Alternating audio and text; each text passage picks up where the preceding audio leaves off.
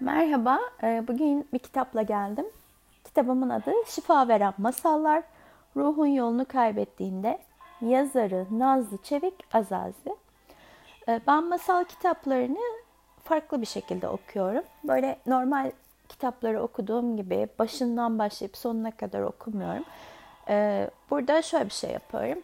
Elime alıyorum kitabı ve o an gönlümden geçen bir soru varsa onu soruyorum ya da aradığım bir mesaj varsa ona bakmaya çalışıyorum. Ee, böyle içimden bir niyet geçiriyorum. O niyetin üzerine rastgele bir sayfa açıyorum ve o masalı okuyorum. O masaldan da o niyetime uygun bir şey var mı yok mu onu kendi süzgeçimden geçirmeye çalışıyorum. Ee, zaten kitabın adı da şifa veren masallar olduğu için hani şifa veriyor. Yani ben buna inanıyorum. Ee, size de bu tavsiye ederim. Çok keyifli bir e, metot bu. Hem e, güzel bir masal okuyorsunuz, masalı özümsüyorsunuz, masalın mesajını alıyorsunuz. Hem de e, kendi özünüze, kendi içinize dönmüş oluyorsunuz. Yani içinizde de bir şekilde bazı şeyleri yerine oturtuyorsunuz. Özellikle böyle çok karıştığım zamanlar, böyle hani içim dağıldığı zaman bir masal okuyup o masaldaki mesaja göre içimi de düzenlemiş oluyorum. Yani bunu böyle ev düzenlemek gibi düşünün. E, çöpleri atıyorsunuz, işte olması gereken şeyleri olması gerektiği yerlere koyuyorsunuz gibi. O mesajlar bana o şekilde e, bir yardımda bulunuyor. Ve o mesajları da dediğim gibi masalların içinden alıyorum. E, yine öyle bir andayım aslında. O yüzden hani bunu böyle sesli de okumak istedim. Hem belki hani bu metot sizlerin de işine yarar diye. Şimdi e, Öncelikle içimden bir niyet geçiriyorum. Tabii bunu size söylemeyeceğim. Bu benim kendi niyetim, kendi içim, kendi özüm. Ee, sizlere de tavsiyem her zaman e, bir probleminiz olduğunda ya da kendinizi iyi hissetmediğinizde, dağıldığınızı, kaybolduğunuzu hissettiğinizde içinize dönün. Yani burada mesela e, birisine anlatabilirsiniz tabii ki ama öncelikle kendi içinizde o problemi çözmeye çalışın bence.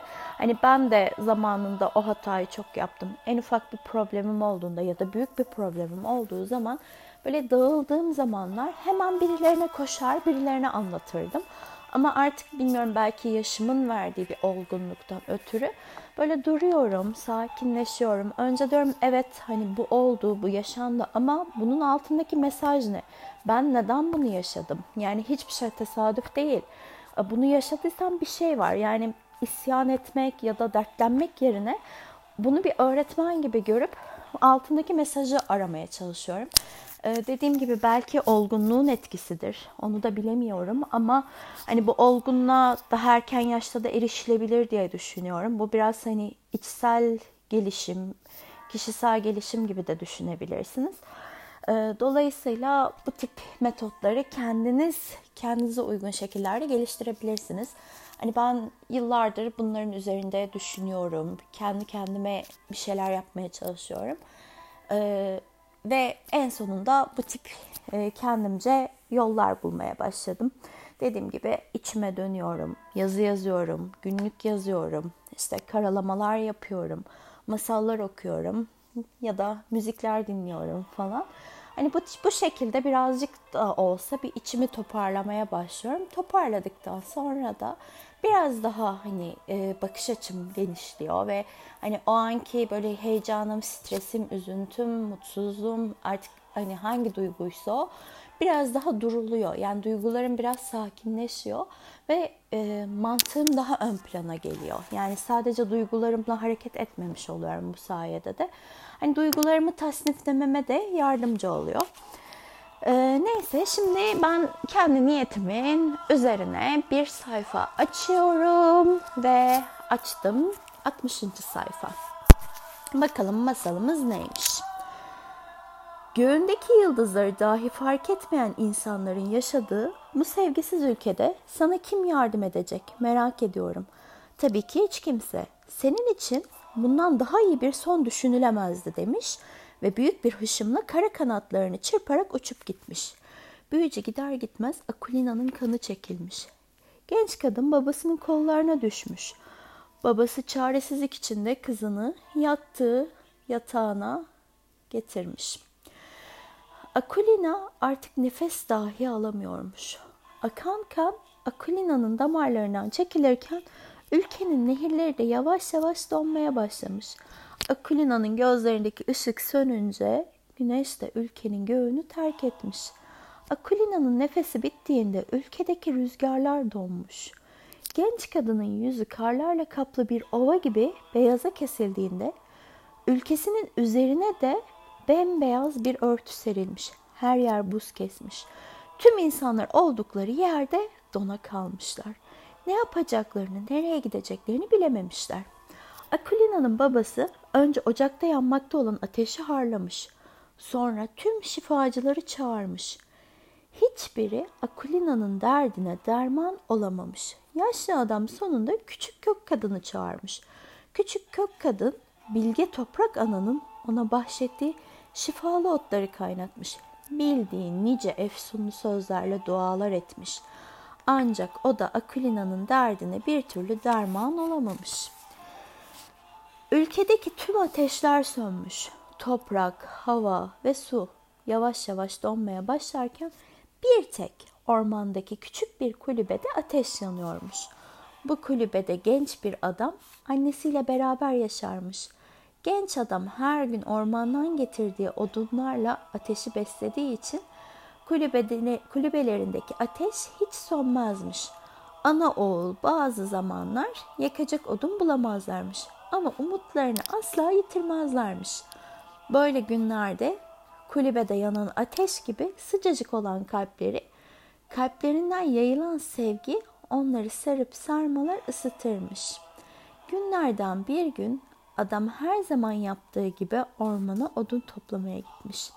Gece yağan karın altında çalışmak çok zor olsa da kurumuş küçücük bir ağaç bulmuş. Birkaç parça odun kesmiş.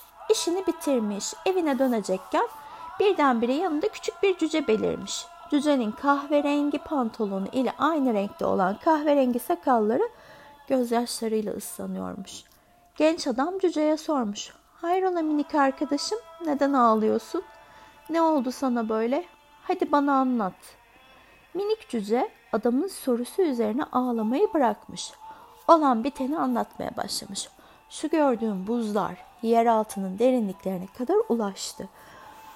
Daha önce başımıza hiç böyle bir şey gelmemişti.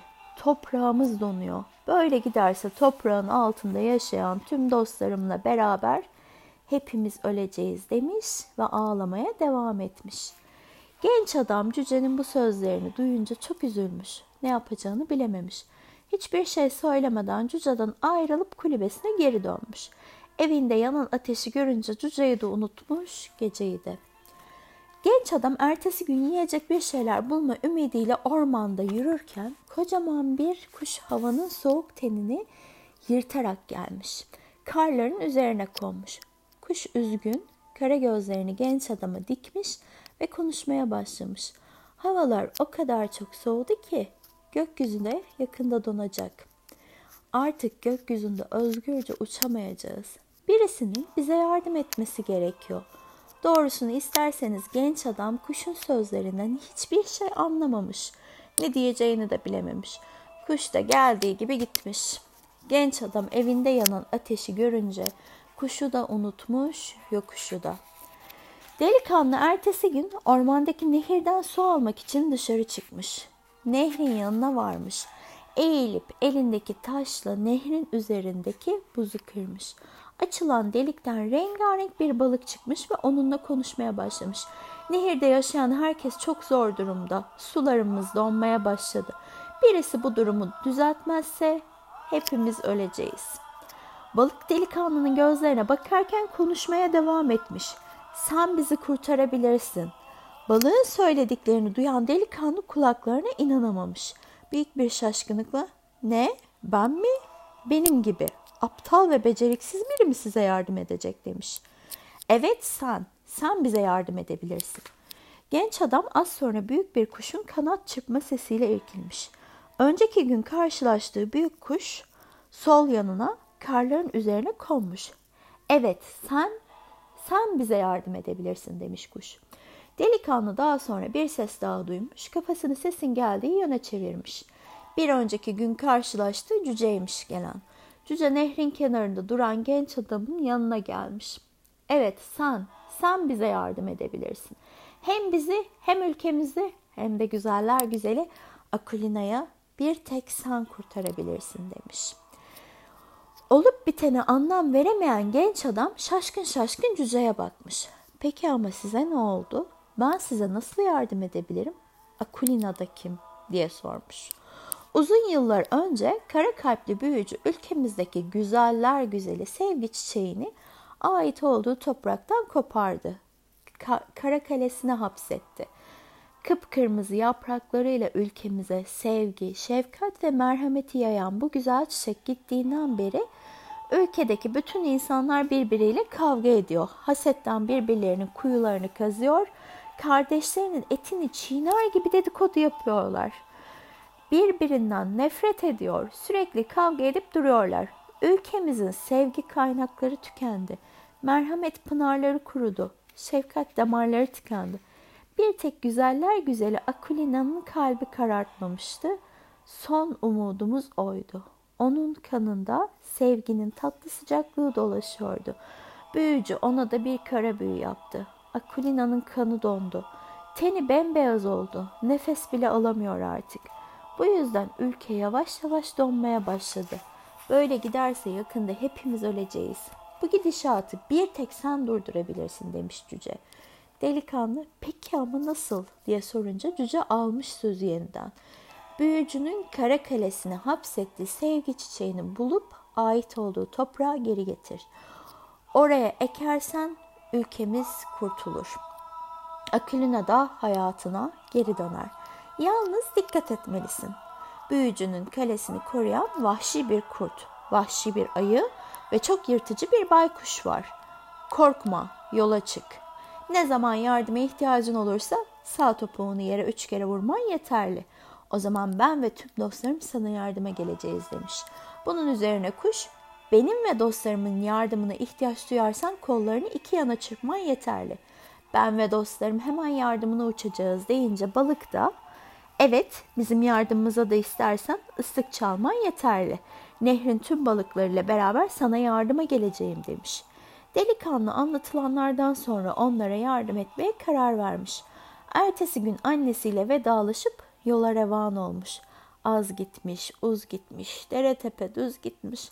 Derelerden sel gibi, tepelerden yel gibi konarak, göçerek, yiyerek, içerek bir arpa boyu yol gitmiş ve sonunda ülkenin kuzeyindeki gürül gürül akan nehrin kenarına varmış. Nehrin kıyısında durmuş. Peki ama ben nasıl karşıya geçeceğim diye düşünmüş.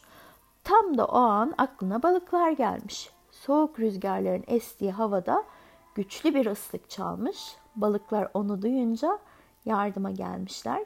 Nehirdeki tüm balıklar yan yana gelip bir kayık şeklini almışlar. Genç adam atlamış kayıya kısa bir süre içinde karşı kıyıya geçmiş. Günlerce, gecelerce soğuk ve güçlü rüzgarlarda savrula savrula yol almış. Birdenbire yolun üzerinde bir uçurum belirmiş. Genç adam nasıl karşıya geçeceğim diye düşünürken aklına kuşlar gelmiş. Kollarını kuş kanadı gibi sevinçle çırpmış. Binlerce kuş uçarak gelmiş. Genç adamı karşı tarafa ulaştırmış.